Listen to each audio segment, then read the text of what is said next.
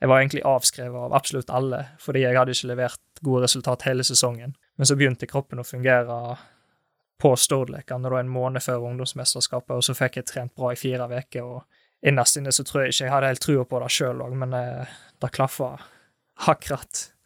Så da husker jeg jeg eh, vant 3000-meteren med eh, to-tre tideler, og da lå jeg bak, liksom så Peter Northug på femmila i Falun, og så tok jeg akkurat igjen han eh, lederen, så da, da griner en litt etterpå.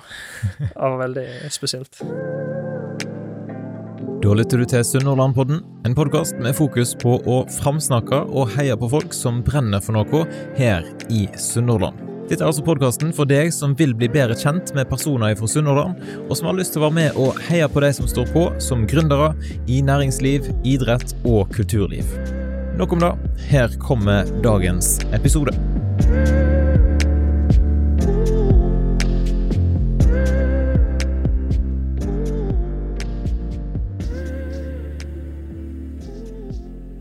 Hva skal til for å bli en god løper?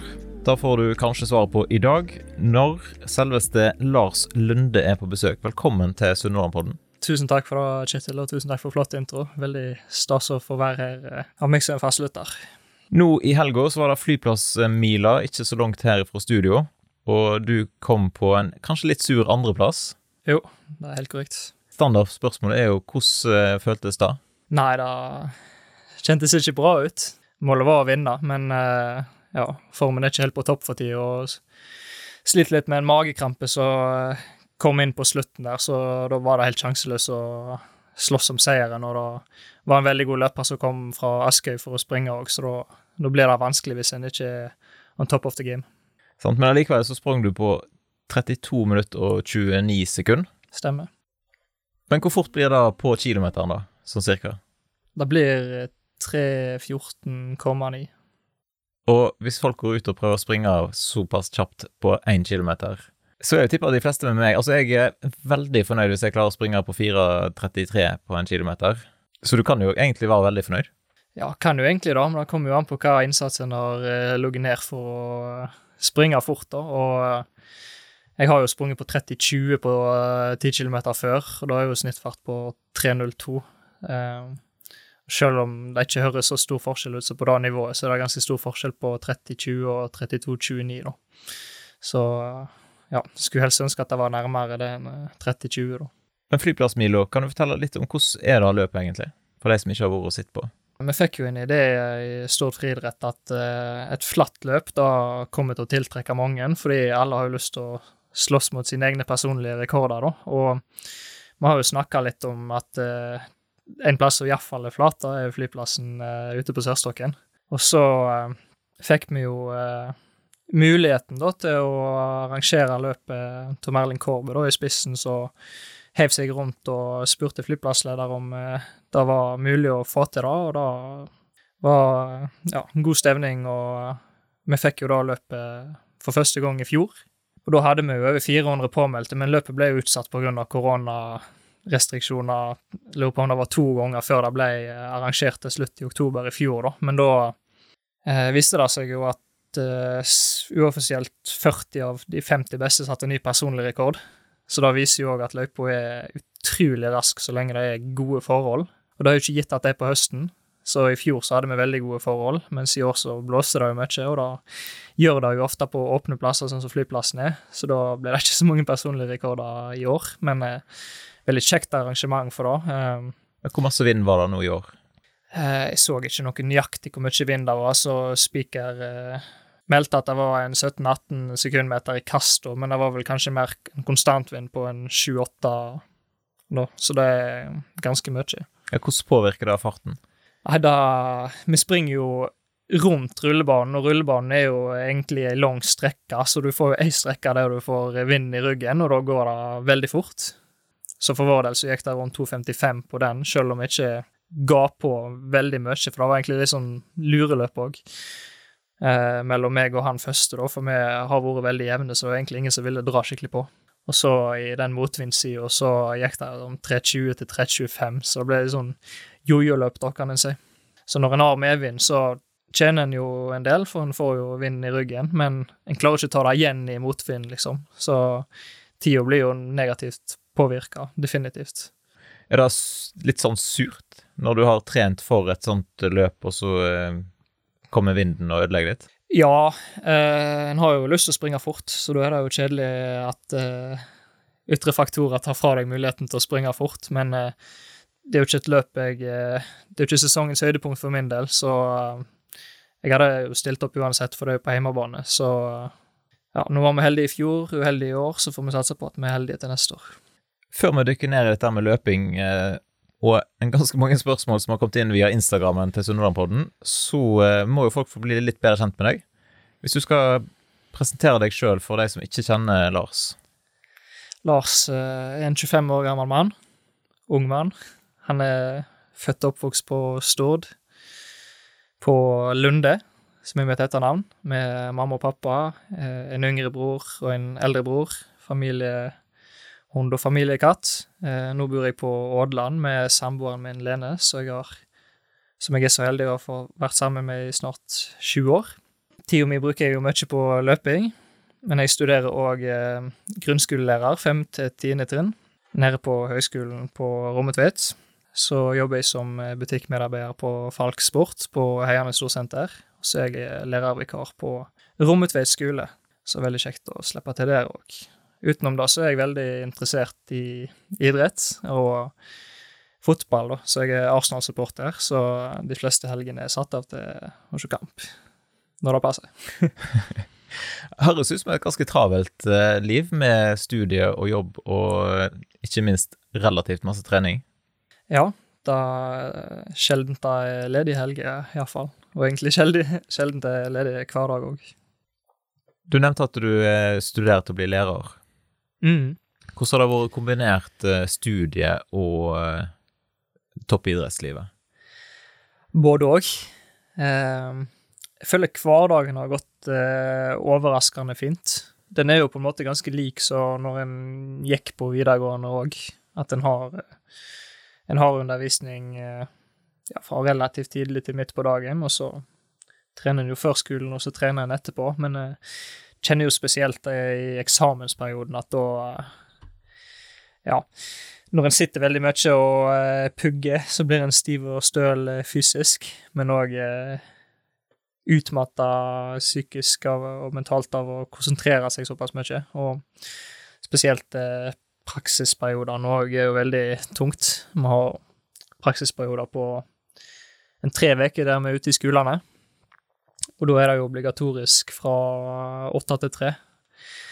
Og en kjenner det godt på kroppen da eh, når en skal trene fra halv seks til Nei, halv sju til halv åtte. Være der åtte til tre, og så spesielt mandagen og torsdagen når jeg jobber på butikken, så skal jeg være på jobb halv fire til åtte, og så trene igjen etterpå fra halv ni til halv ti. Så da Ja. Da er det tunge dager, men eh, der òg er jeg utrolig heldig av ordet med eh, tilrettelegging av studiet med at eh, Høgskolen på Vestlandet har samarbeid med Olympiatoppen.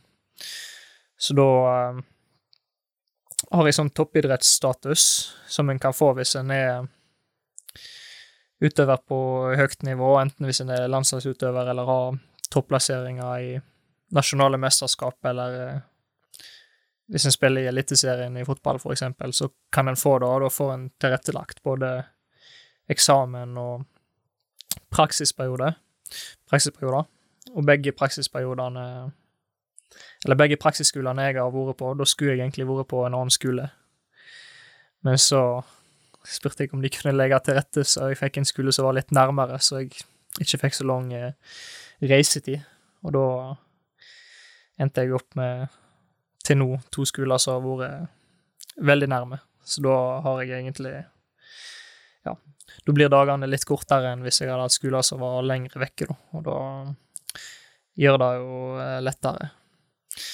Utenom det så er det jo, eh, tøft med innleveringer, og en skal jo forberede seg til de forskjellige forelesningene òg, og som nevnt i praksisperioden så skal en jo forberede seg til de øktene en skal faktisk ha òg, så ja, da er det fullt kjør eh, hele dagen. Så akkurat de periodene så prøver jeg egentlig å roe litt ned på trening og for å passe på at jeg ikke får hodet under vann for lenge. Sant. Fordelen er jo at du blir smartere av å springe, har jeg lest. Da, jeg er ikke nøytral der, så jeg skal ikke uttale meg. Men uh, jeg har jo faktisk brukt løpinga som uh, Altså øvd til eksamen når jeg springer. Uh, litt på grunn av tidsklemmer, men det har funka ganske bra òg. Blant annet at jeg lager tankekart. Pleier alltid å bruke det før uh, muntlige eksamener, for eksempel. Og så leser jeg på det, prøver å lese på det tankekartet før jeg går ut og springer, og så prøver jeg liksom å tenke på det tankekartet når jeg springer. Så prøver liksom å memorere det, da. Så prøver liksom også fotografisk minne, sånn at når jeg kommer på muntlig eksamen, så sitter forhåpentligvis da tankekartet, og så kan jeg egentlig bare snakke ut ifra det, da.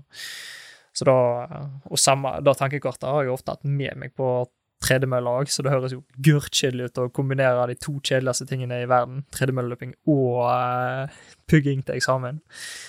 Men uh, når en ikke har så mye tid disponibel, så uh, har det funka ganske bra.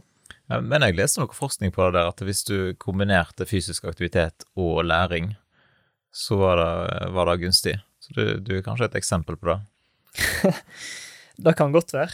Um, en ser jo da at en lærer mer hvis en blir mer blodgjennomstrømming til hjernen, og en i aktivitet så pumper jo hjertet mer blod, og da får hjernen òg mer blod, selv om mesteparten går til de musklene som er i bevegelsen. Så det ligger sikkert noe i det. Det gjør det sikkert. I dag er episoden sponsa av Engelsen Anlegg AS, din totalentreprenør innen grunn- og anleggsarbeid. Engelsen Anlegg holder til på Stord, men de tar på seg oppdrag i hele Sunnhordlandsregionen. Både for private og det offentlige. Skal du få lagt en vei eller få utført grunnarbeid, ta kontakt via engelsenanlegg.no. Stor takk til Engelsen Anlegg for at de er med som sponsorer for Sunnhordlandpodden. Hvis vi tar et par eh, hakk tilbake igjen til løpingen, da. Når var det du oppdaga at du er godt over snittet god til å springe? Begynte med friidrett når jeg var sju år gammel, men da var det mest eh, lek og moro. For jeg begynte med fotball når jeg var eh, fire år gammel, mener jeg. Eh, og da kombinerte jeg de to ganske lenge.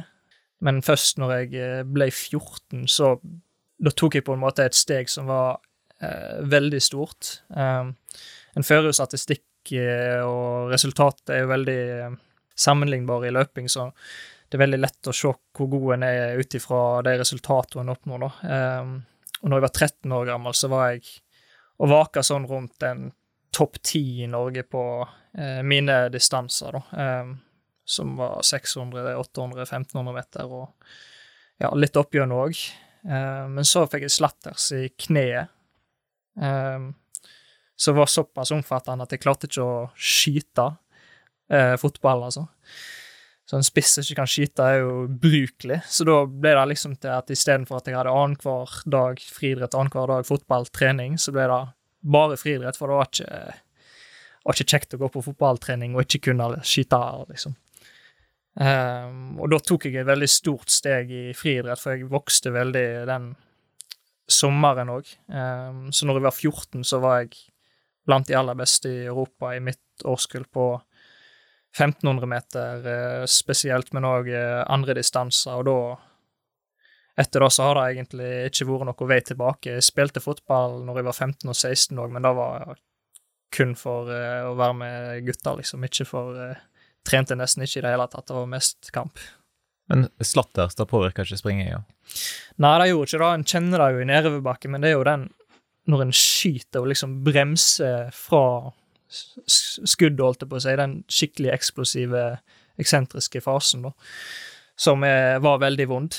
Eh, og den får en ikke når en eh, springer langdistanse eller mellomdistanse. En kjenner det jo så klart når en spurter, men eh, ikke på samme måte som når en skyter ballen. Så det gikk helt fint. Jeg teipa jo kneet godt før hver eneste løpeøkt i sikkert et helt år, men eh, det var ikke et handikap, liksom, så jeg klarte Det påvirka ikke resultatet i konkurranse og på trening, det var bare litt vondt, men eh, ja, det var til å leve med, og det gikk jo vekk etter hvert, for det er jo sånn voksesmerte. Så da var du rett og slett i norgestoppen som 14-15-åring? Da var jeg eh, Da var jeg best i Norge i min aldersklasse på egentlig eh, alle mine distanser, da. Eh, og var raskest i Norden og Skandinavia på 1500 meter, eh, men òg på andre distanser. Eh, så da visste jeg jo på en måte hvor lista skulle ligge for eh, ja, framtida. Ja, hvordan føltes det?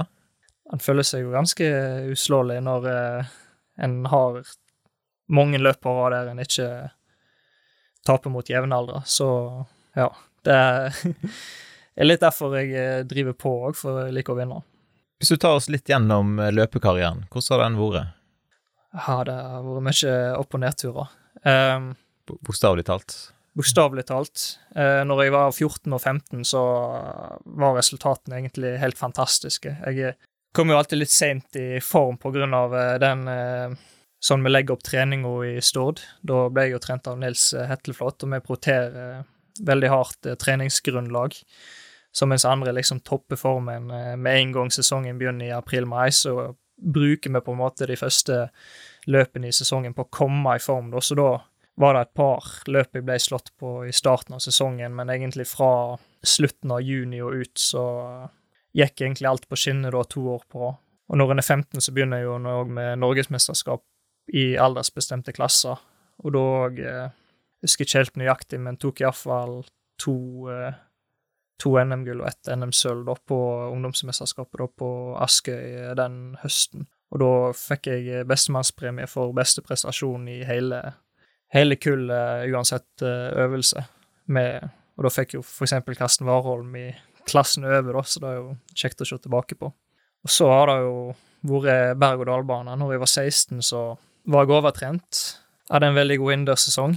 eh, og jeg husker spesielt eh, Vi hadde bakkeintervaller med Skjærsholmene, og vi hadde egentlig brukt hele vinteren på å jobbe oss ned på 200 meters bakkeintervaller fra 37 sekunder cirka til ned på 32, og så plutselig så kom jeg på ei økt eh, og var helt kjørt etter ett drag på 32, liksom, og vi skal jo egentlig ha 20, sant. Så da skjønte jeg jo at uh, enten så er jeg sjuk, eller, så, eller det er iallfall noe som ikke stemmer. Og da satt jo i et halvt år. Jeg ble Kroppen fungerte først i august da året, og da hadde jeg ikke fått trent skikkelig hele sommeren, så da ja, var jo den sesongen spolert, da. Men eh, på én måned så klarte jeg heldigvis å komme i form til å vinne ungdomsmesterskapet igjen på 1500 eh, meter hinder og 3000 meter på grunn av at jeg Selv om jeg ikke ble bedre det året, så var jeg allikevel god nok til å kunne forsvare de gullene. Da, det er en av de største emosjonelle idrettsøyeblikkene mine som jeg kan komme på, iallfall. For da betydde det utrolig mye å vinne når en er underdog. Det, det er veldig spesielt. Det var jeg var egentlig avskrevet av absolutt alle, fordi jeg hadde ikke levert gode resultat hele sesongen. Men så begynte kroppen å fungere på Stord-lekene en måned før ungdomsmesterskapet, og så fikk jeg trent bra i fire uker. og Innerst inne så tror jeg ikke jeg hadde helt trua på det sjøl òg, men eh, det klaffa akkurat. Så da husker jeg jeg eh, vant 3000-meteren med eh, to-tre tideler, og da lå jeg bak, liksom så Peter Northug på femmila i Falun, og så tok jeg akkurat igjen han lederen, så da, da griner en litt etterpå. Det var veldig spesielt. Hva, hva som gjorde at en eh, blir overtrent? Altså, blir du for ivrig? Ja, si det. Det var nok en kombinasjon av litt flere ting. Jeg konkurrerte veldig mye, så at jeg ble for ivrig, da er iallfall én faktor. Men òg eh, så hadde jeg jernmangel på samme tidspunkt. Men da har jeg ikke funnet ut før Eller det fant jeg jo ikke ut før etterpå. Så det var egentlig litt tilfeldig at vi oppdaga da. Og i tillegg så visste en ikke helt hvordan en skulle forholde seg til altså, å være overtrett. Det er jo ikke en diagnose, liksom. Så en prøver seg jo litt fram, liksom. En tar ei uke rolig, og så prøver en å gå på igjen, og så funker det kanskje en to-tre dager, og så slår det tilbake igjen, og så prøver en kanskje to uker uten å trene, og så prøver en igjen, og så blir det liksom Ja. Så det tar litt lang tid å komme tilbake fra det, da, når en ikke liksom har en fast diagnose. Mm. Sant? Så hadde jeg visst det jeg visste i etterkant, så hadde jeg kanskje tatt en eller to måneder helt off, og så vært på'n igjen ganske mye fortere. Um, uh, jeg husker jeg traff i juli Eller i juli så traff jeg på en trener i Bergen som uh, heter Torstein Eriksen. Jeg fortalte til han hvordan jeg hadde det, og han hadde trent utøvere, så han kjente seg igjen i det, da. Så når jeg sa liksom da at jeg, ja, jeg tok ei uke rolig, og så prøvde igjen, og så går det kanskje, og så må jeg ta en ny uke, så sier han at nå, nå driter du bare i det, nå tar du en hel måned, liksom, der du ikke springer i det hele tatt. Så etter den måneden så kjente jeg det funka, og da fikk jeg jerntilskudd og, og hele pakke, så da funka kroppen igjen. Da var jeg riktignok på Dana den måneden, så litt trening ble det jo, men ikke på samme måten som når en er ute og springer hver dag. Så hvis du går tilbake igjen til, til karrieren, da, ifra å komme tilbake igjen som en underdog, hvordan gikk veien videre? Uh, året, Da begynte jeg jo på videregående, uh, for da var det året jeg var 16. Så da økte jeg jo treningsbelastningen ganske kraftig, for da begynte jeg jo på idrettslinga. Fikk veldig godt tilrettelagt uh, der så jeg kunne begynne å trene to økter til dagen, for da gjorde jeg ikke før. Eller jeg gjorde det jo ofte før, men da var det jo mye ei løpeøkt, og så kanskje ei fotballøkt, og så gym på skolen, og så. Men først på videregående begynte jeg å springe to ganger til dagen, da. Så da økte jeg treningsmengden fra en ca. 80-90 km i uka til rundt 170 den vinteren. Så det er jo nesten dobling. Og det 170 er jo rundt da de i verdenstoppen springer. Så Jakob springer jo for eksempel 180. Så da, da gikk det jo veldig bra det neste året når jeg var 17. Så jeg brukte egentlig det året litt på å komme tilbake fra da jeg var tapt når jeg var 16, men allikevel så fikk jeg en god sesong når jeg var 17, um, som jeg tok med meg videre uh, da året jeg var 18. For da, da hadde jeg mitt første internasjonale mesterskap, da. Uh, U20-EM i Sverige. Da kom jeg med på 5000 meter. Um, og Dag er jo en av mine største idrettsøyeblikk. Det er veldig stort og et mål jeg hadde jobba for veldig lenge, hatt liksom i bakhodet liksom hver kveld jeg legger meg. Så da gikk det jo veldig bra. Men det gikk liksom ikke på skinner. Det er liksom alltid noe som oppstår òg. Jeg husker for eksempel i april, eh, dette er jo 2015, da, så fikk jeg en smell i hofta um, som kom veldig på etterskudd. Um, og så Det er mai-juni du bruker på å kvalifisere deg da, for mesterskapet i midten av juli. Så klarte jeg jo ikke EM-kravet før på siste forsøk, to dager før fristen gikk ut. Så jeg hadde jo eh, prøvd på det, jeg lurer på om det var tre ganger jeg prøvde og ikke klarte det, og da òg liksom begynner folk liksom å Ja, han klarer det ikke, han er ikke så god. Og Så bare slår jeg tilbake på siste forsøk og klarer det, så da er det litt den underdogen igjen, så ja, det er en helt enorm følelse. Hva vil du si motiverer deg? For det, du, du, sier at du legger ned x antall timer i uka. Det må jo være en motivasjon eh, som ligger i bunnen der, som er ganske solid? Ja, jeg føler liksom eh, Når jeg gikk på barne- og delvis ungdomsskolen, så hadde jo liksom Det var mange som hadde lyst til å bli god i idrett, da. Og meg eh, kanskje den som hadde aller mest å bli god i idrett. Og nå, når jeg på en måte har kjent på at jeg har talentet til det, for hvis ikke så hadde jeg ikke klart det jeg klarte i tidlig alder, og liksom har tatt stegene gradvis, så i dag så motiverer det jo å ta enda et steg, da, for nå har jeg vært i U20-EM eh, og vært i U23-EM i 2019. Så da har jeg veldig lyst til å ta det siste steget og få representert Norge i seniorsammenheng i et uh, internasjonalt mesterskap. For nå er jeg så nærme og har trent sikkert to ganger til dagen når jeg har vært skadefri og frisk i Det blir vel niende året nå. Så når en er nesten der, da, så er det litt dumt å gi seg. Så det er jo veldig Det er det som motiverer meg nå for å fortsette. Hvor langt fram er det til det målet eventuelt? Nei, jeg skulle ønske det kom så fort som mulig. Men eh, vi får se. Eh, I år så var egentlig målet VM på halvmaraton. Og sesongen i år har jo blitt spolert av eh, skadeproblematikk, og VM-et ble jo for så vidt utsatt uansett på grunn av eh, covid. Så ja, prøver igjen til neste år. Ja. Hvor lenge kan en løper holde koken? Når er pensjonsalder? På øverste nivå så Det kommer jo veldig an på distanse, sant, men jeg satser jo på gateløp, så i går faktisk eh, så ble det jo satt ny verdensrekord på maraton av eh, Eliud Kuchoge. Han er 37 år gammel, og spekuleres jo i at han mest sannsynlig er enda eldre òg, for de har ikke helt kontroll på fødselsdatoene der nede i Kenya. Så det går jo an å holde koken så lenge, men eh, ja, om det er bærekraftig for både min fysiske og psykiske form, da gjenstår å se. Jeg leste en plass at du hadde fått eh, 3000 kroner for en førsteplass eh, på et løp. Mm. Så jeg tenker, det kan jo iallfall ikke være pengene som motiverer. Eller har, eh, har premiesummene gått opp? Nei, det kommer veldig, kommer veldig an på. Altså Selvfølgelig det er jo motiverende å springe løp med pengepremier kontra løp som ikke har pengepremier. Um, jeg vet ikke helt hva løp du har sett på, da, men 3000 kroner på uh, Jeg tror det var et eller annet i Haugesund uh, for noen Ja. år siden. Sikkert Djupadalten du tenker på. Sikkert. Det er jo ikke ja, På en halvtime med innsats så er det ikke 3000 skattefrie, så det er ikke dumt da heller. Men en blir jo ikke rik på å springe på uh, mitt nivå, da blir en ikke. Men uh, ja. Nå for eksempel når jeg sprang på Fitjar for to uker siden, så var det jo 5000. Så da Det er mulig å tjene en del uh, Lurer på skal ikke si nøyaktig beløp, men det var nok godt over 50 000 i 2019 skattefritt, så da blir jo på en måte en dårlig betalt deltidsjobb, eh, kan en si. Hvis du deler det ut på alle treningstimene, så Huff, da blir det utrolig dårlig betalt. ja, for hvor, hvor ser ei vanlig treningsuke ut nå? Nå, eh, Det kommer litt an på hva løp som er i, i horisonten, da. Men i ei vanlig treningsuke så er det Det er jo to økter til dagen. Um, så varierer vi jo mellom eh, rolige dager og harde dager.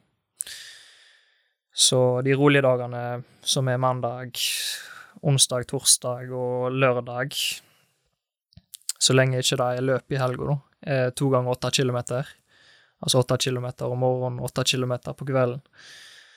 Eh, og så legges det òg til styrketrening og sprint og spenst og sånne ting, og da legger det egentlig til på den økta det passer best. Eh, hvis jeg for eksempel har økta før skolen, da, så er jeg jo som regel i treningsrommet på skolen, og da passer det seg jo å springe på møllas oppvarming, og så kjøre styrke etterpå.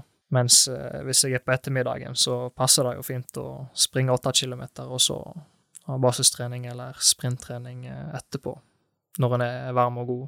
Så det varierer litt. Og så er det jo harde dager, da, som er forholdsvis på tirsdag, fredag og søndag. Og da er det jo enten ei rolig økt og ei hard økt, eller så er det to harde økter. Hva ligger i hard økt? Ei økt som har eh, tøff belastning. Så ei hard økt eh, Da er jo intensiteten høy, men den kan òg være litt lavere, men at økta er lengre, da. Men at det, det er tøff belastning på kroppen, iallfall, så en får et eh, En bryter kroppen ned. Så gjelder det jo å ikke bryte den for langt ned, så en skal jo absorbere trening òg, og forhåpentligvis bli bedre. Men for eksempel på tirsdagene så er det jo veldig vanlig at jeg har eh, en åtte kilometer rolig på morgenen, og så har jeg korte intervaller på kvelden, og da kan det være for eksempel 45 minutter med 45-15 intervaller da på tredemølla. Der eh, Altså 45 minutter der du springer 45 sekunder, og så er du 15 sekunder pause der du ja, prøver å få pusten igjen. Ja, hva tempo ligger mølla på, da? Kommer veldig an på hva tredemølla jeg eh, springer på, men jeg springer jo veldig mye på nummer én fitness, eh, som har veldig gode tredemøller, og det er jeg ambassadør for òg, så veldig takknemlig for at jeg får Eller har de med på laget nå. Eh, og da, hvis jeg har 45 drag, så starter jeg kanskje på 21 km i timen, og så springer jeg litt progressivt, da, så avslutter jeg gjerne på 22,5. Og da Ja, det er på en måte ikke maks, og det, jeg tar meg på en måte ikke maks ut, men uh, jeg tar meg såpass ut at jeg får uh, Jeg bryter kroppen godt ned, så jeg ja, får en treningseffekt.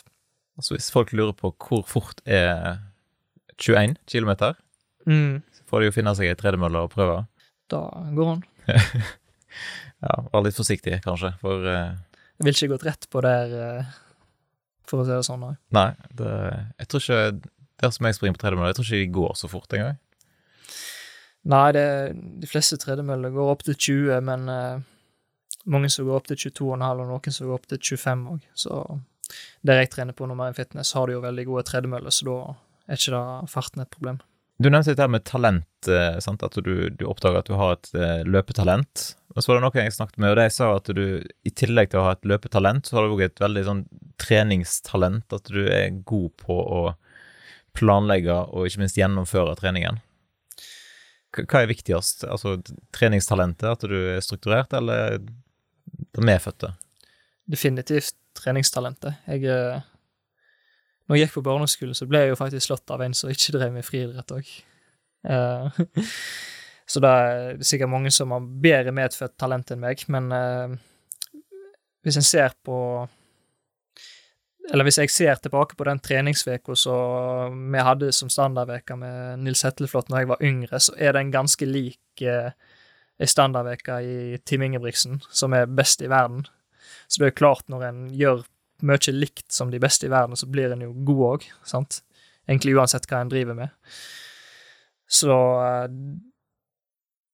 det er nok derfor en ble god i tidlig alder òg, og jeg så at eh, Jeg hadde jo andre rundt meg òg som presterte veldig godt. Eh, blant annet eh, Lars Føyen, som er ett år eldre enn meg, kjempetalent, og var i VM-finale, U20-VM-finale på 10 000 meter.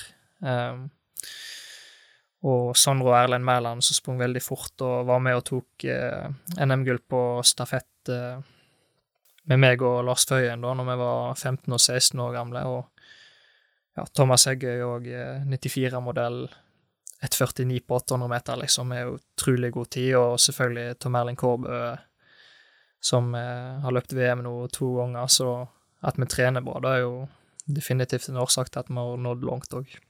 Det har jo vært masse oppmerksomhet rundt løping, da, spesielt kanskje pga. Ingebrigtsen-brødrene. Føler du at det er en sånn masse fokus på løping? En ser jo på tallene at det er flere så at det er løpebølger på gang. Og norsk friidrett er jo veldig vinden av ordet etter Team Ingebrigtsen og spesielt Karsten Warholm òg ble så gode som de er. Så det har jo fått mer oppmerksomhet i media, og en ser jo òg at de største klubbene de de har ikke kapasitet til å ta inn flere, for de har ikke trenere nok til det. Så vi ser også på medlemstall og i friidrett. Det har vokst utrolig mye, og det er jo veldig kjekt å se. De, har jo på en måte vist at det er mulig å nå langt, da.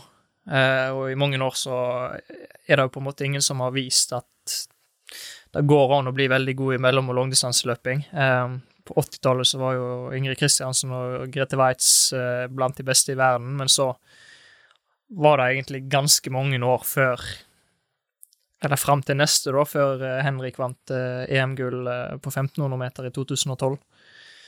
Da var det liksom ikke så mange norske som var i verdenstoppen i friidrett. En hadde jo Geir Moen og Andreas Torkelsen spesielt, og i tekniske øvelser så hadde en jo og spydkast spesielt med Trine Hattestad og Vebjørn Rodal på 800 meter, selvfølgelig i 96, men Spesielt når Team Ingebrigtsen kom og viste at tre stykker kan gjøre det, liksom. Da får en på en måte Og det, vi, vi, vet jo hva de har gjort for å nå, for de deler jo ganske mye av veien til toppen. Spesielt uh, gjennom denne Tim Ingebrigtsen-serien, da, som jeg vet ikke om de er på fem, har vært på fem sesonger nå, om det er femte sesongen som var nå sist. Så har du jo på en måte sett første sesongen, så ser du jo når Jakob er bitte liten, liksom, og sier han skal bli olympisk mester, og det er jo egentlig helt usannsynlig. Men så avslutter jo sesongen med at han tar et OL-gull på 1500 meter. Så da får en jo En ser jo på en måte hva de gjør på veien, og jeg og de fleste andre løpere som er oppe i norgestoppen, vet ganske ja, relativt nøyaktig hva de gjør i løpet av ei treningsuke. Så det er jo bare å følge den følge den planen så godt som mulig. Så blir en god, men eh, ja, olympisk mester er det jo bare en som kan bli. Men eh, ja. En henter inspirasjon fra de beste, og treningsprinsippene som vi følger på Stord, er ganske like de, de treningsprinsippene de har, som de har brukt for å oppnå den suksessen de har oppnådd. da. Team Ingebrigtsen de har jo Gjert eh, på laget, eller har iallfall hatt Har du hatt noen trenere som har vært så engasjert som han? Gjert er veldig spesiell, da, for han er jo både far og trener. Um, jeg hadde Nils Hettelflot som trener fram til jeg var um, Siste sesong var når jeg var 17 år gammel.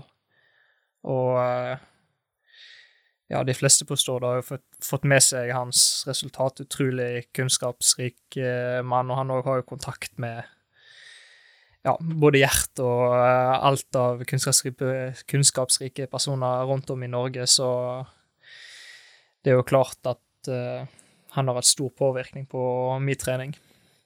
Men eh, en får, får, på en måte ikke den samme oppfølgingen som det jeg har fått fra Gjert, for det er jo et veldig spesielt forhold det er der, med at han både har vært far og trener, så det blir ikke den der øst, østtyske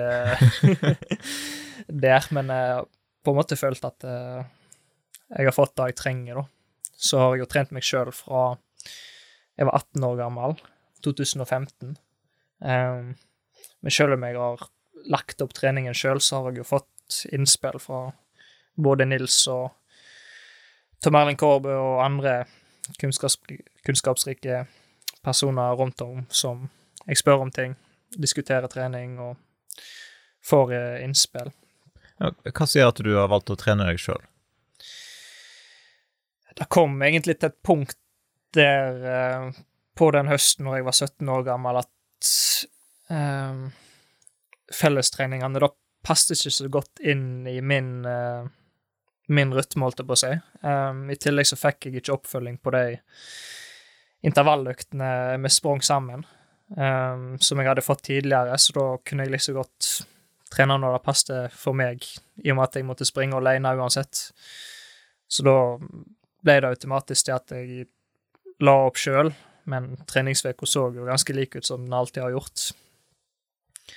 Og så gikk Nils mer over en mentorrolle da enn en trenerrolle som er der i det daglige. Har du savna det, å ha en sånn trener som går veldig tett på? Noen ganger. Um, når en er i motvind, så skulle en jo ønske at en ja, har noen som har et tett syn på Som kan ha mening om hvorfor du er imot Finn, da. Men eh, når det går bra, så Ja, da går det jo bra. Da går det jo greit, liksom. ja, Men, eh, så det er liksom både òg. Men eh, jeg har jo utrolig gode støttespillere rundt meg på alle kanter, så jeg føler liksom da Det er ikke et, det er ikke et savn, for da hadde jeg nok eh, skaffa meg en trener tilbake, tilbake eh, nå. Men den er, sånn som hverdagen er nå, så er jeg nødt til å legge opp trening etter, litt etter hverdagen òg. Så da liksom å legge hverdagen til rette for å liksom måtte være på ei fellestrening eh, klokka halv fire, liksom, da ja, det passer bedre å trene når det passer for meg, på en måte, for jobben er den samme uansett. Og løping er ikke Du trenger på en måte ikke et øye som ser på deg, for det er jo ikke teknisk. Sant? Så du, du, vet hva du skal gjøre, og så gjør du det, så blir det forhåpentligvis bra. Jeg lurer på, Runners high er jo noe som folk kanskje har hørt om. Eh, erfarer du det? Eller hva er det? Og... Det er jo når du føler det flyter utrolig bra. Når, eh, ja, når ting går bra, så får en runners high. Litt endorfiner som. Ja. Det, ble, altså det er jo mestringsfølelse, bare at det er løpsrelatert, da. Så en får det når det går bra. Absolutt. I løpet av et løp, da, hvordan prater du til deg sjøl for å holde motivasjonen oppe, eller? Ja, Det spørs jo hva type løp det er. For alle løp er jo forskjellige.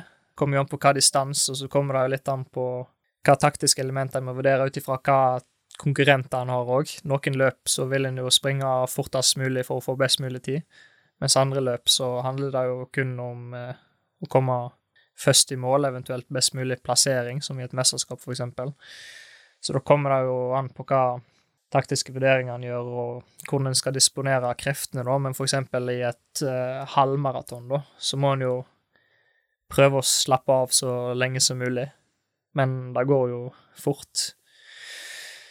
Så en må jo på en måte slappe av samtidig som en tenker på pust og avslappa skuldre og høy frekvens og sånne ting. Og så etter hvert som det går mot slutten, så må en eh, finne en måte å grave i kjelleren, da. Da ja, kjenne at er en på skuddhold til et veldig godt løp, så eh, biter en tenna sammen og tenker på uh, ja, personer en har rundt seg, og uh, prøver bare å holde frekvensen oppe. Så halvmaraton spesielt det er jo veldig spesielt, for det er mange kilometer. Så da, hvis en er litt på stålet siste fem kilometerne, så hender det jeg tar en kilometer for besten og beste, og en kilometer for mormor og besten, og så ja, siste kilometeren for meg sjøl. Så tenker jeg at ja, nå springer jeg som det der siste løpet mitt, liksom, og bare graver dypt. Ja. Jeg leste at Marit Bjørgen hun visualiserer en tiger. Eller iallfall gjorde det når hun holdt på og gikk på ski. Du har ikke eh, noen sånne mentale triks?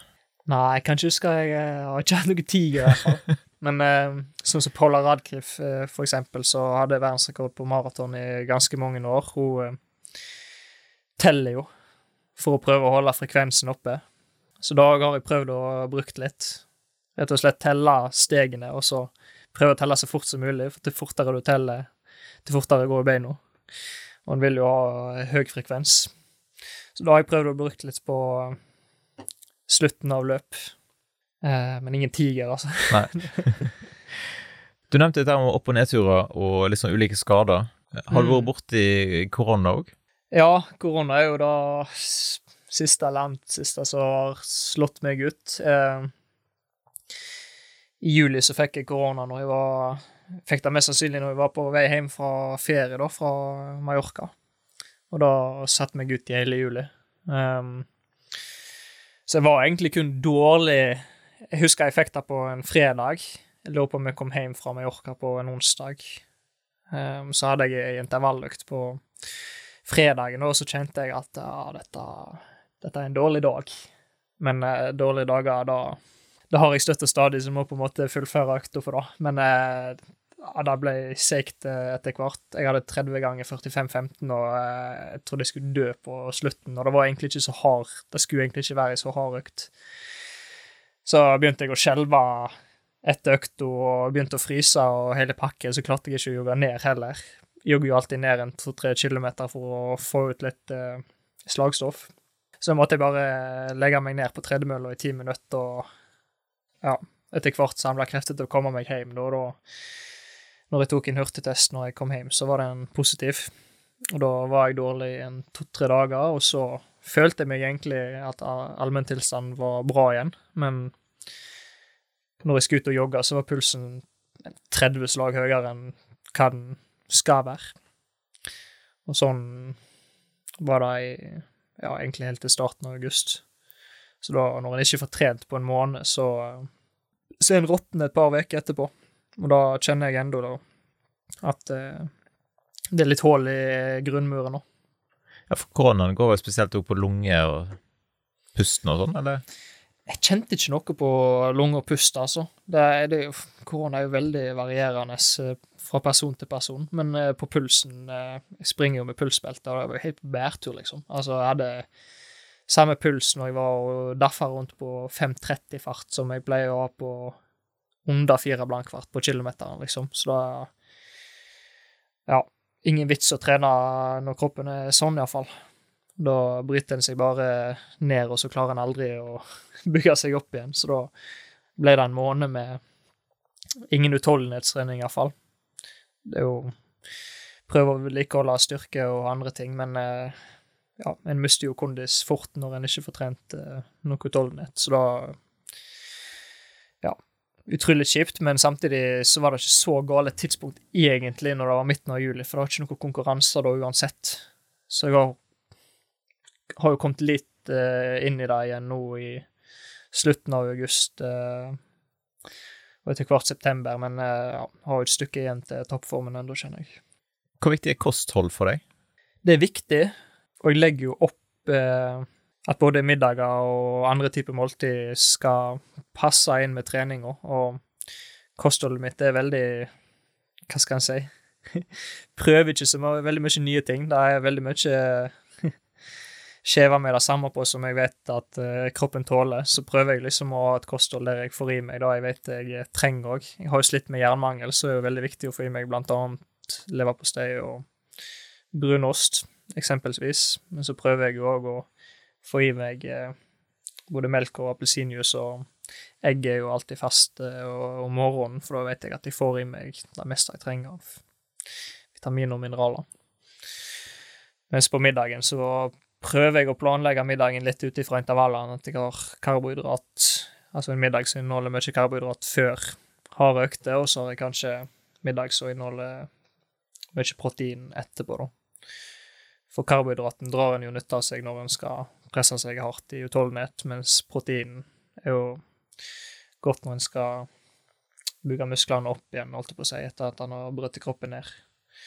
Så det er ganske standard. For med så masse trening, det, det må jo bli et relativt høyt eh, kaloribehov? Det stemmer. Det er, det er sjelden jeg møter folk som spiser mer eh, av den normale maten, holdt jeg på å si, enn meg. Hvis en spiser middag, liksom, så er det som regel jeg som spiser mest. Ja, og det blir en del skjeve og mellommåltid òg, så det blir en del mat, selv om det kanskje ikke ser sånn ut. Eh, og søvn vil jeg tippe er viktig. Har du noen sånn søvnrutine? Prøver å stå opp til samme tid, tidspunkt i dagen stort sett hver dag. Prøver å få åtte timer søvn. Skulle sikkert hatt ni òg, men det strekker ikke alltid til. Så søvn er absolutt eh, viktig. En merker med en gang når en får for lite søvn, at eh, kroppen fungerer dårligere. Så er absolutt viktig. Så har jeg sett på Instagrammen din at du har relativt mange eh, joggesko. Eller iallfall har du gått gjennom en del. Ja, jeg er jo veldig skointeressert, så eh, Og da er mange av følgerne mine òg som er løpsinteressert, så da pleier jeg å poste en del av de skoene jeg eh, får inn i skoparken. Eh, langt ifra alle, så det er mye flere enn de som ligger ute. det blir brukt en del sko når en springer mye, så da eh, Men ja. Har du tall på det? Hvor mange sko har du slitt ut?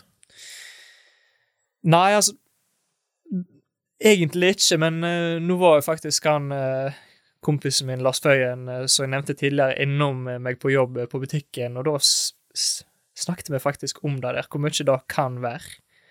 Og da regna vi litt på antall kilometer um, som har Som ligger på rundt en 6000 i året, iallfall gjort de siste ti åra. Og per sko pleier å holde mellom en 600 og 800 kilometer, så da Vi kom fram til et tall, men jeg husker det jo ikke nå, da, så det var jo litt dumt. Folk får rekna ut sjøl, da, men uh... Ja, det blir kanskje en åtte til ti par i året, da. Ehm, så det blir jo en 80 par siste ti åra. Og så har jeg jo brukt en del skopar fram til jeg ble 15 òg. så det ligger jo i ja, godt over 100 iallfall. har du noen sponsoravtale på sko? Ikke sko. Jeg eh, har vurdert det, har fått eh, et par tilbud. To tilbud iallfall, og en som jeg vet jeg kunne fått hvis jeg hadde gått inn for det, men eh, i konkurranse så har jeg alltid sverga til Nike, og de er det nesten umulig å få avtale med, så da da har det blitt at jeg eh, finansierer skotøyet sjøl, men jeg har jo god eh, Det er strategisk å jobbe i en eh, sportsbutikk, kanskje? Det er det òg, men så har jeg god økonomisk støtte fra klubben òg, så det er de som betaler skoene mine. Heldigvis. Hvis ikke kan det fort bli dyrt. det stemmer. Det... Jeg vil jo tippe at det er viktig å ha gode støttespillere med på laget.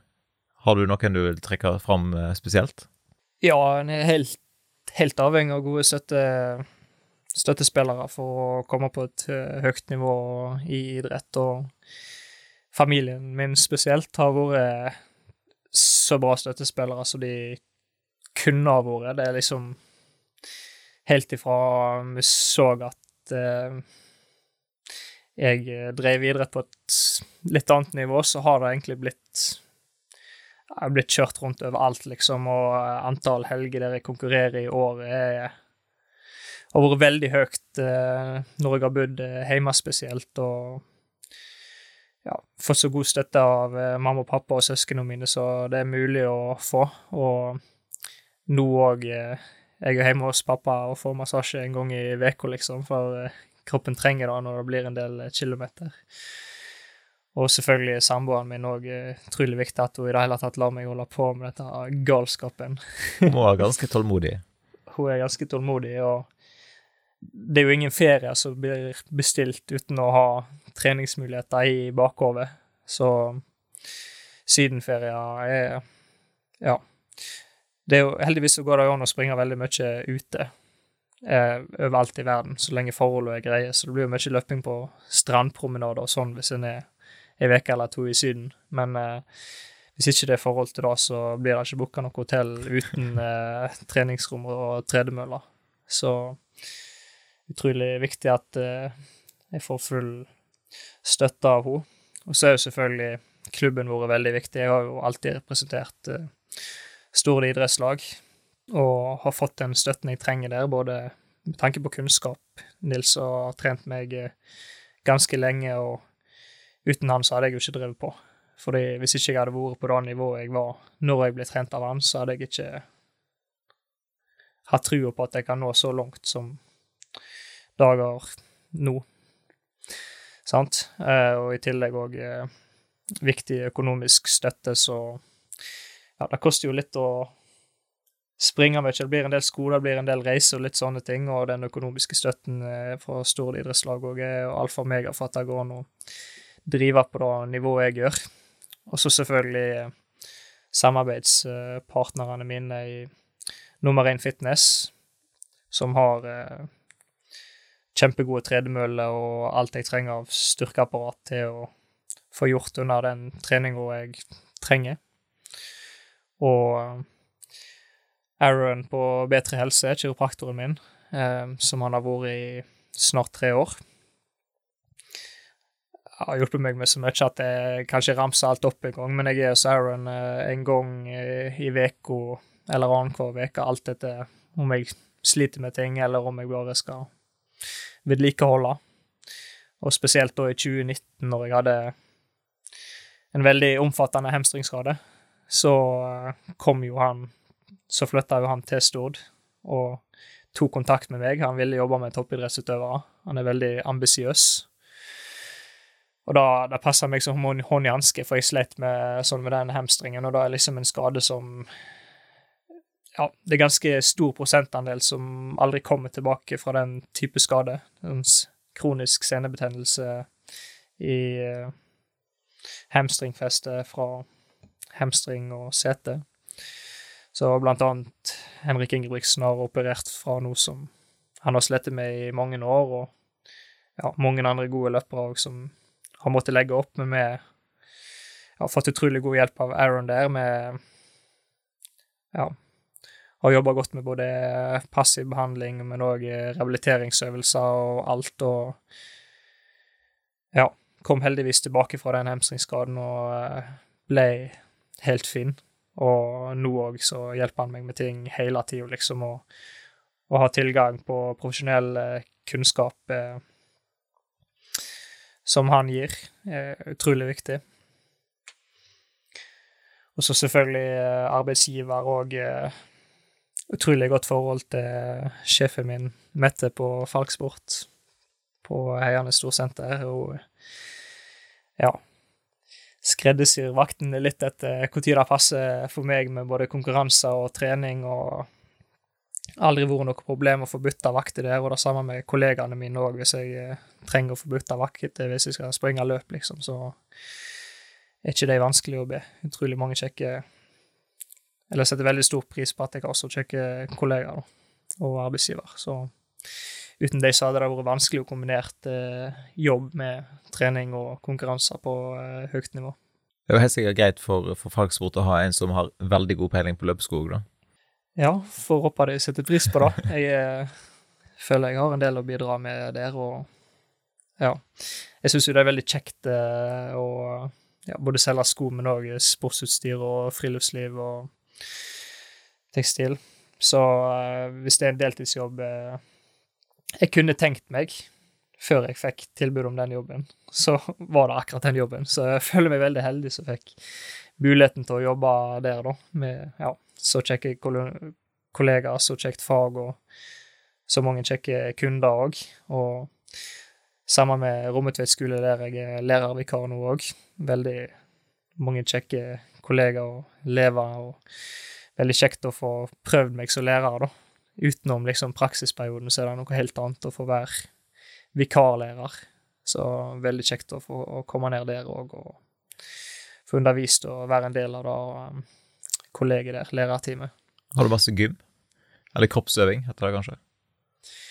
Masse og masse. Når, når jeg er lærervikar, så er jeg som regel lærer på en hel dag. Så da blir det på en måte de fagene så det er den dagen, da. Så det er hvis, hvis en lærer er enten har permisjon eller er sykemeldt, eller da det er behov for en lærer, så kan jeg steppe inn, og da tar jeg jo de fagene det er, på en måte. Så Men eh, ja. Har hatt eh, gym og skal ha gym denne uka òg, så da Veldig kjekt. Da får de kjørt seg godt, eh, disse ungene på skolen? Ja. Nei da, de syns det er kjekt å være i aktivitet, og jeg syns det er veldig kjekt at jeg er i aktivitet òg, så ja. Ja, Det blir ikke intervaller på, på 20 km i timen på deg? Nei, det skal de få slippe. Ikke helt ennå. Men hvis jeg ser et løpstalent, så eh, kan jeg være i rekruttere. det skal jeg innrømme. Yes. Ok, men nå, eh, Vi har jo prata altfor lenge, egentlig, men uh, nå må vi komme til disse Insta-spørsmåla. Noen lurte på om løping kan bli litt sånn ensomt i lengden? Ja. Både ja og nei. Hvis en ser på treningsveka mi, så er jo det meste alene. Og det er jo som regel to økter til dagen. Men eh, et, altså, ensomt er jo en følelse, og jeg Hodet mitt er en helt annen plass når jeg er og springer. Når jeg springer rolige turer om morgenen og kvelden, så trenger jeg på en måte ikke å konsentrere meg, så da tenker jeg på alt annet enn løping.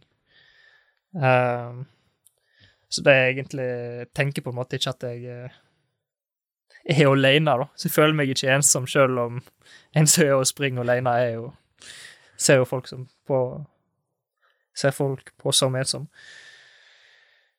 Men springer du med musikk eller podkast, eller bare uten noe? Begge deler, aldri uten. springer alltid med musikk og podkast, så da varierer det litt av hva humør jeg er, og hva podkastepisoder som ligger ute. Spesielt på langturer så pleier jeg å ha podkast, mens eh, hvis det er kortere økter der jeg ikke rekker over en hel episode uansett, så blir det ofte til musikk, og på hardøkter så blir det ofte musikk, eh, eventuelt eh, Hvis jeg er økt på tredemølla, så tar jeg på et eh, godt løp på YouTube, og så prøver jeg å komme litt eh, in the zone, da. Så da kan jeg finne eksempelvis eh, Se på siste 45 minuttene av et eh, godt maratonløp. hvis jeg skal springe 45 minutter, så føler jeg på en måte at jeg nærmer meg målet, jeg òg. Eller ja, se gamle klipp av Northug òg er en klassiker på tredemølla. Da, ja, da går tida mye fortere. Så. Jeg, jeg, så du har sprang mot uh, Northug? Ja, jeg sprang mot han på slusløpet i Skjoldastrømmen. Når var det da? Det var første, første søndag i september. Um, Slussløpet er et løp jeg har deltatt på to ganger før. og de har et sånt konsept der de alltid legger inn en kjendis som trekkplaster. Um, og da trekker jo veldig mye både løpere og publikum og media og uh, hele pakke. Så første året jeg var med, så var jo Vibeke Skofterud med. Så da var utrolig kjekt. Og andre året så var Martine Eck Hagen med, når jeg var med, altså. Og nå eh, var Petter Northug sin eh, tur, og da ja, det var tjåka fullt der nede i Skjoldastrømmen. Veldig Ja, det var sånn 17. mai-stemning nå. Så da utrolig kjekt at han eh, stiller opp. Selvfølgelig fikk han nok godt betalt, men eh, ja. Jeg tror det var verdt det. Men sprang du fortere enn han? Ja. Eh, vi sprang fire og en halv kilometer. Jeg husker ikke helt nøyaktig, men jeg lurer på om det var tre minutter fortere enn han. Det er litt stas. Ja, da, i all ydmykhet så skulle det egentlig bare mangle. Han er ikke helt i toppform heller, men når han har vært på sitt aller beste, så har han rett over 15 på 5 km og rett over 32 på 10 km, og jeg har jo ja, da ca. ett minutt bedre på 5 km og ca. et minutt bedre Nei, og to minutter bedre på 10 km. Så da, det bør være en nivåforskjell på en eh, langrennsløper som har litt mer eh, muskler i overkroppen og en eh, løper. Selv om eh, O2-opptak og sånne ting er ganske likt. Ja, sant. Hadde han tatt deg på ski? Ja, da får jeg håpe for han selv. jeg kan jo ikke skøyte engang, så eh, ja. Et litt random spørsmål. Det var jo hva syns du om håndbak-Sindre? Hva vi Altså- syns om håndbak-Sindre? Ja. Det er vel han som har stilt det spørsmålet sjøl. ja, ja. Ei eh, utrolig fin fyr. Jeg har selvfølgelig hørt eh, episoden eh, hans når han var her, og det er jo ikke så lenge siden han var her. Jeg så nå legenden Ole Bergesen var her òg. Kom episoden i dag, eller i går? Ja, det kom på søndag, så var Og så ble det litt å håpe at det virker for, for min del. Men eh, ja, syns han er utrolig eh, kjekk eh, fyr. Veldig livlig fyr med gode kommentarer, både muntlig og skriftlig på Facebook, så ja. Ja. Heldigvis så slipper jeg å møte han i håndbak, men han er veldig kjekk å møte i person. sant. Mm. Og så var det noen som lurte på om du har kjekke søsken eller kollega. Kjekke søsken eller kollegaer. Jeg har to kjekke søsken og har bare kjekke kollegaer, så det blir full pott på den. Hva er det høyeste laktatmålingen du har hatt? Og eventuelt må du forklare hva er en laktatmåling? Laktatmåling er når en måler melkesyrenivået i kroppen. nå. Det er enda mer avansert på det, men jeg tror ikke vi skal gå helt inn på det. Men iallfall en måling på hvor hardt en har tatt seg ut, da. Eh, Det høyeste jeg har målt så jeg kan huske, er Jeg husker ikke desimal, men det er 18, et eller annet iallfall på eh, spesifikk 1500 meter økt i sommeren 2018. Da, eh, ja, da eh, er melkesyra oppe i ørene. det er ikke ofte jeg har så høye laktatverdier, altså. Det er sjeldent.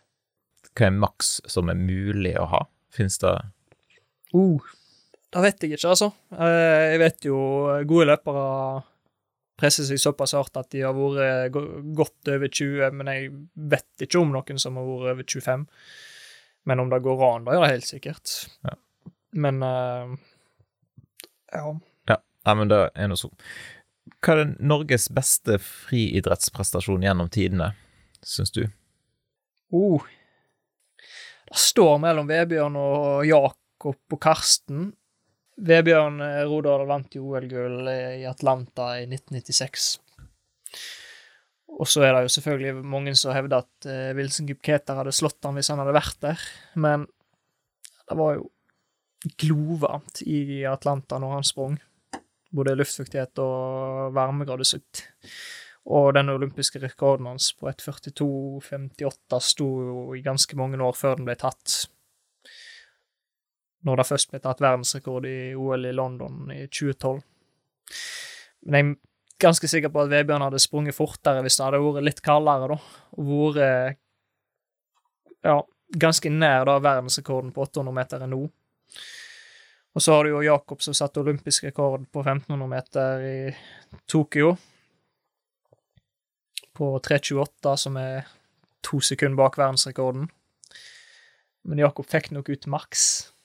Og så har du jo Karsten Warholm som satte verdensrekord på 400 meter hekk med ganske god margin. Men det er ganske stor forskjell på prestisjen på 400 meter hekk og 800 meter og 1500 meter. Så Utrolig Utrolig vanskelig å skille, skille de tre.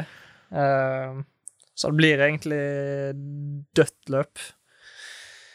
Altså, Til Karsten sitt forsvar så kunne han ikke gjort så mye bedre enn å sette verdensrekord, men det er 400 meter hekk, liksom. Det er ikke i nærheten av like mange som driver med det som 1500-800 meter. Oh, jeg, jeg tør ikke å svare på den, men det er iallfall en av de tre. Så noen som lurte på hva betyr eh, COYG? Jeg vet ikke hvordan du skal uttale det. Koig, Sikkert. det er jo uh, Gunners, uh, Arsenal sitt uh, Jeg husker ikke hva bokstavene står. Come on, you Gunners. COIG. Ja. Så det er Arsenal-relatert, rett og slett. ja. Men kan det stemme at det er litt krevende å ta turen til Aron på bedre helse når Liverpool har slått eh, Arsenal? Fy, har han stilt spørsmål? Ja, jeg har i hvert fall eh, Ja, det, det er ikke, Jeg vet jo hva som kommer, da. Så, eh, men det er alltid god stemning mellom meg og Aron, så Men ja, jeg, jeg, jeg vet at det kommer når Liverpool har vunnet, så er det innen et minutt jeg har gått inn døra, så nevner han det. Eller hvis Arsenal har tapt. Men uh, han får det samme rett i fleisen hvis det er motsatt, så uh, Og akkurat nå så ligger jo Arsenal over på, øverst på tabellen, og det vet han jo godt, så da, da er det litt kjekkere å være hos eh, Aaron. Hva er normal hvilepuls? varierer veldig. Um, eller ikke veldig. Det laveste jeg har vært, er 29. Såpass. Um, men jeg ser det ligger mye på 35 til 40. Uh, så normalen er vel 35 til 40. Ja. Uh, ja. Så hvis jeg ligger opp mot 50, så er, har jeg et virus i kroppen, og hvis jeg ligger ned mot 29, så er jeg eh, både veldig god form, men òg lite stress generelt i livet, og overskudd og hele pakke. Så ligger jo ofte ned mot det når jeg er i toppform, men jeg er jo ikke i toppform året rundt, så jeg kan ikke si det er normalen å ligge der. Nei. Men jeg har flere netter på 29 og 30. Hva er målet du har for eh, 2023? Sånn løpemessig, Det blir jo å ta nye steg. Um, så bokstavelig jeg har, jeg har ikke helt sett på Altså, nå har det ikke kommet ut kriterier og sånn for eh, kvalifisering til mesterskapene til neste år ennå. Men hvis det, da halvmaraton-VM som ble utsatt fra i år til neste år, har samme kvalifiseringskrav så 1.03, så blir det et mål hvis ting klaffer, og en håper selvfølgelig at ting skal klaffe. Uh, ja. Så blir det å springe fortest mulig på de uh, minidistanser, rett og slett. Prøve å strekke. Og så har jeg litt lyst til å prøve meg på maraton òg. Eh, for eh, ja Det er jo noe en har lyst til å ha på CV-en eh, uansett i livet, holdt jeg på å si. Og i og med at jeg er i god form nå, så vil jeg jo helst ha ei tid som representerer den formen jeg er i nå òg. Men eh, s- ja skal jeg forberede meg til et maraton, så må iallfall kroppen spille på lag. For da en del tyngre trening belastningsmessig. En kan liksom ikke ha halvveis vondt i et kne, halvveis vondt i ei hofte, og så springe 42 km på asfalt i høy fart. Da, det går ikke. Men eh, det er et delmål til neste år, og ja Forhåpentligvis finne en mulighet der det passer, og få ei oppkjøring til å få prøve på et maraton. Og så er det jo klubbrekordene til Oddmund Roaldkamp, selvfølgelig, som har vært et mål lenge, og som fortsatt er et mål. Han er, er jo den beste utøveren i klubben gjennom tidene, og ja, det er en status jeg òg har lyst til å ha. Men da, eh, da må vi springe fortere. Ja. Apropos sko, eh, var vi jo innom. Hva løpesko anbefaler du til punkt 1, rolig landkjøring, og punkt 2, intervaller? Det kommer helt an på løperen, altså. Eh, ser jo da at eh, alle har forskjellige bein, alle har forskjellige steg, alle har forskjellig fot og fotbue. Men de skoene jeg bruker, er, som er mine favoritter til rolig langkjøring, er Essex eh, Nova Blast, som jeg er på fjerde par av nå. Eh, Nike Invincible, som er de parene jeg både har på meg nå, men òg bruker på rolig langkjøring, og New Balance Fuel Cell eh, Supercomp. Det er mine tre favoritter, men at de passer for mine bein, betyr ikke at de passer for dine. Så kom innom oss på Falk eh, Sport på Heiane Storsenter, så skal vi finne gode sko til deg som stilte spørsmålet. Ja, sant. Hashtag eh, snikreklame, men eh, det er bra. Um, men du sa ikke noe om intervaller? Stemmer.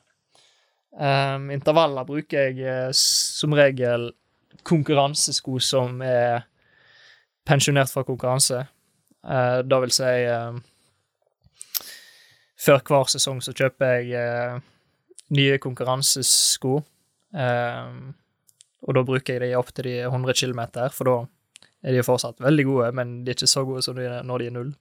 Og jeg vil jo helst ha så gode sko som mulig, så da pensjonerer jeg de fra konkurranser, og så bruker jeg de på trening til de da er oppbrukt. Så da er det som regel eh, Nike eh, Vaporfly Next Prosent og Nike eh, Alphafly som blir brukt på intervaller. Kan faktisk ikke huske sist jeg ikke brukte noen av de modellene på intervall. eh, Det er mange år siden, iallfall. Hvis du må velge mellom løyperekord på alle lokale løp på Stord, eller gull på 5000 meter i NM Det blir jo NM-gull på 5000, for de fleste løyperekordene på Stord har jeg fra før av. Men det mangler et senior-NM-gull på 5000 meter, så da Da hadde jeg jo tatt det. Men eh, jeg har hatt et delmål eh, ganske lenge å ta alle lokale løyperekorder på Stord. Litt av problemet nå er at det er jo kommet så mange nye løp. Så jeg, ganske, jeg var egentlig ganske nærme for noen år siden, men nå har jo både flyplassløpet og nye løp på Fitjar og rundt omkring kommet, så da Men jeg har jo løyperekord både Fitjardalten og bruløpet 10 km, der mangler jeg halvmaraton. Det er litt sånn dumt tidspunkt, for det er juni, rett før NM. Så springer ikke halvmaraton rett før NM på bane. Men det kom en gang da òg. Begge på Stordløpet har jeg både 6 og 12. Begge på industriløpet.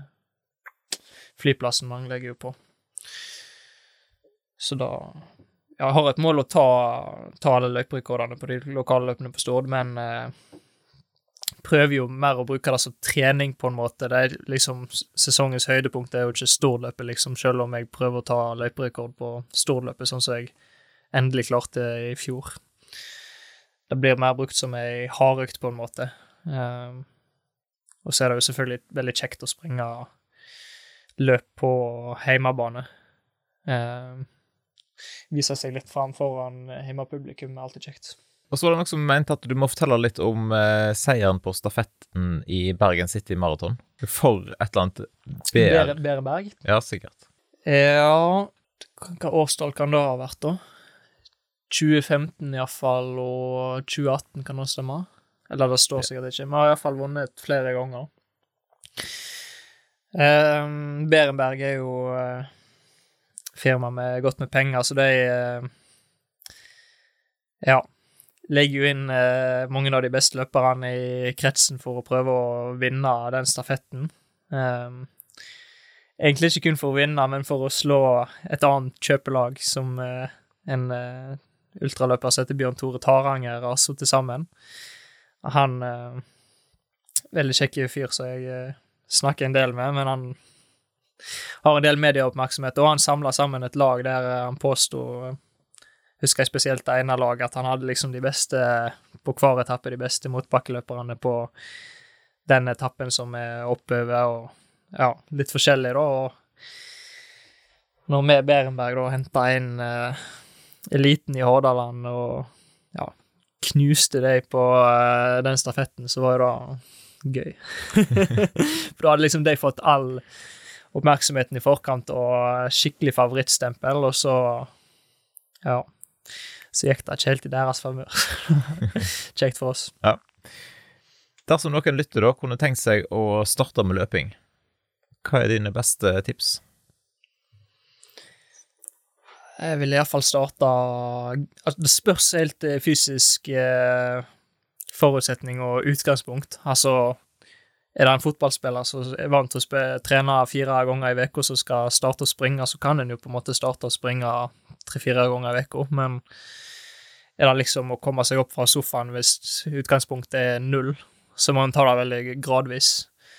Så det kommer helt an på hvem som spør, altså. Um, men hvis en er, la oss si hvis en er utrent og vil komme i gang, så vil jeg jo starte med kortere turer der en kanskje eh, istedenfor å gå, gå turer, kanskje går litt, springer litt, går litt, springer litt. Og så må en ha en progresjon, da. At en kanskje begynner med én eller to ganger i uka, og så øker en litt gradvis, og så etter hvert som en kjenner at ok, kroppen tåler å øke, så plutselig så springer en eh, ja, uten å gå i det hele tatt, og da etter hvert så kan en begynne å springe fortere noen økter, og ja, variere litt. Jeg tror variasjon er veldig viktig for de som skal begynne å springe, fordi hvis ikke det er gøy, så slutter en som regel ganske fort.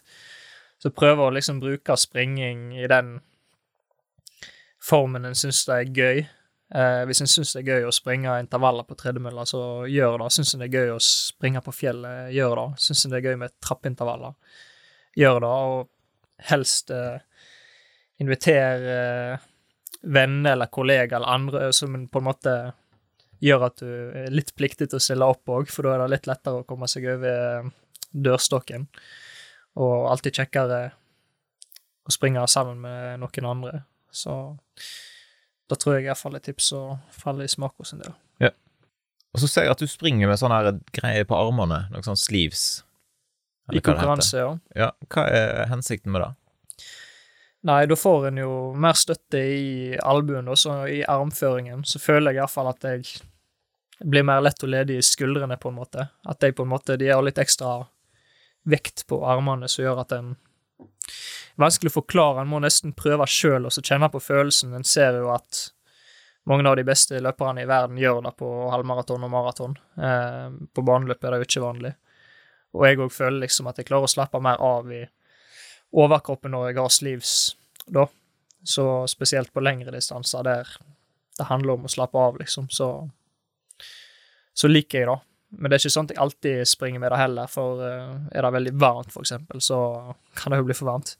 Men uh, mange av de beste løpene mine har jeg med sliv, så da blir det jo som regel til at OK, det funker, da kjører vi på. ja. Hvis folk som har lytta nå, kunne tenkt seg å slå følge med deg, eh, kanskje ikke på en løpetur, men i sosiale medier, hvor gjør de det best? Det kan du gjøre på Instagram og Strava. På Strava så legger jeg ut mye trening, ikke alt, og litt opp og ned eh, i perioder om jeg legger ut i det hele tatt. Men eh, der får en iallfall et godt innblikk i det jeg legger ned av eh, innsats, da. Så det er vel en I perioder så er det opp mot 70% av treninga jeg legger ut der, så da ser en på en måte litt hva det går jo hvis en er interessert i tall og hastighet og litt sånn òg, så legger jeg det ut der. Intensitet og hele pakke.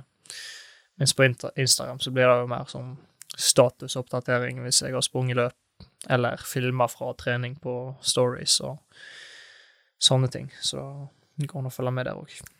Yes, nei, men Da ønsker vi lykke til videre med trening og med løp og med å nå målene. Og så sier vi tusen takk for at du tok uh, turen her i studio. Tusen takk for det, og tusen takk for at jeg fikk komme. Takk for at du lytta til dagens episode av Sunnhordlandpodden. Og har du lyst til å gi en tilbakemelding, så er det kjempestas om du sender en melding enten til meg eller til eh, gjesten som jeg hadde med meg i dag. Det er alltid inspirerende å høre ifra deg som har lytta til episoden, hva du syns. Har du lyst til å gi podkasten en vurdering i Apple Podcaster eller noen stjerner på Spotify, så setter jeg òg stor pris på det. Har du kritikk og konstruktiv tilbakemelding, så er det jo kjempestas om du sender en e-post til f.eks. post etter sunnhordlandpodden.no. Og Hvis dette var første gangen du lytta til podden, så håper jeg da at du har lyst til å sjekke ut eh, flere episoder i arkivet.